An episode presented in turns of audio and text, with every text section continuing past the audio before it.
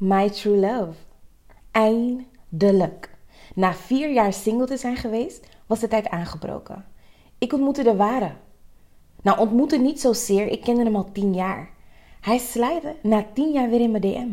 En hij vroeg me, hey Moor, hoe gaat het met jou? Long time. We raakten aan de praat.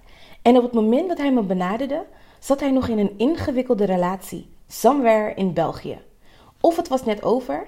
In ieder geval, it was too fresh to deal with that shit. Maar vanuit de manier waarop hij me benaderde, was het ook never zijn intentie. As the good person I am, I became his friend. Ik zag dat hij de behoefte had om met mij te praten. En ik merkte dat hij ook de behoefte had om gewoon te zijn. Ikzelf had namelijk de behoefte om eindelijk eens weer wat appjes en wat aandacht te krijgen van iemand die ik wel zag zitten. Voorheen waren we al vrienden en dit keer was het niet zoveel anders. We konden lachen, praten. Ik kon mezelf zijn als geen ander.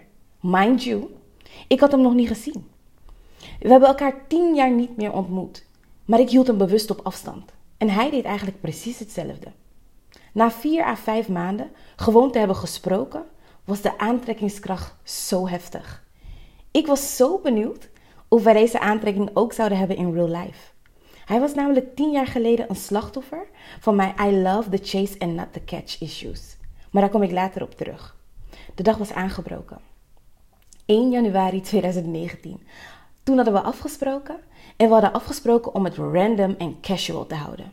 Ik had mijn huis grondig schoongemaakt, niet geschoren. Want ik had in mijn hoofd, I ain't gonna do it. En ik wist niet wat ik moest verwachten. Ik was zo zenuwachtig. Het was drie uur rijden om aan te komen bij mij. En de hele weg waren we aan de telefoon. Net voordat hij er was, wilde ik ophangen.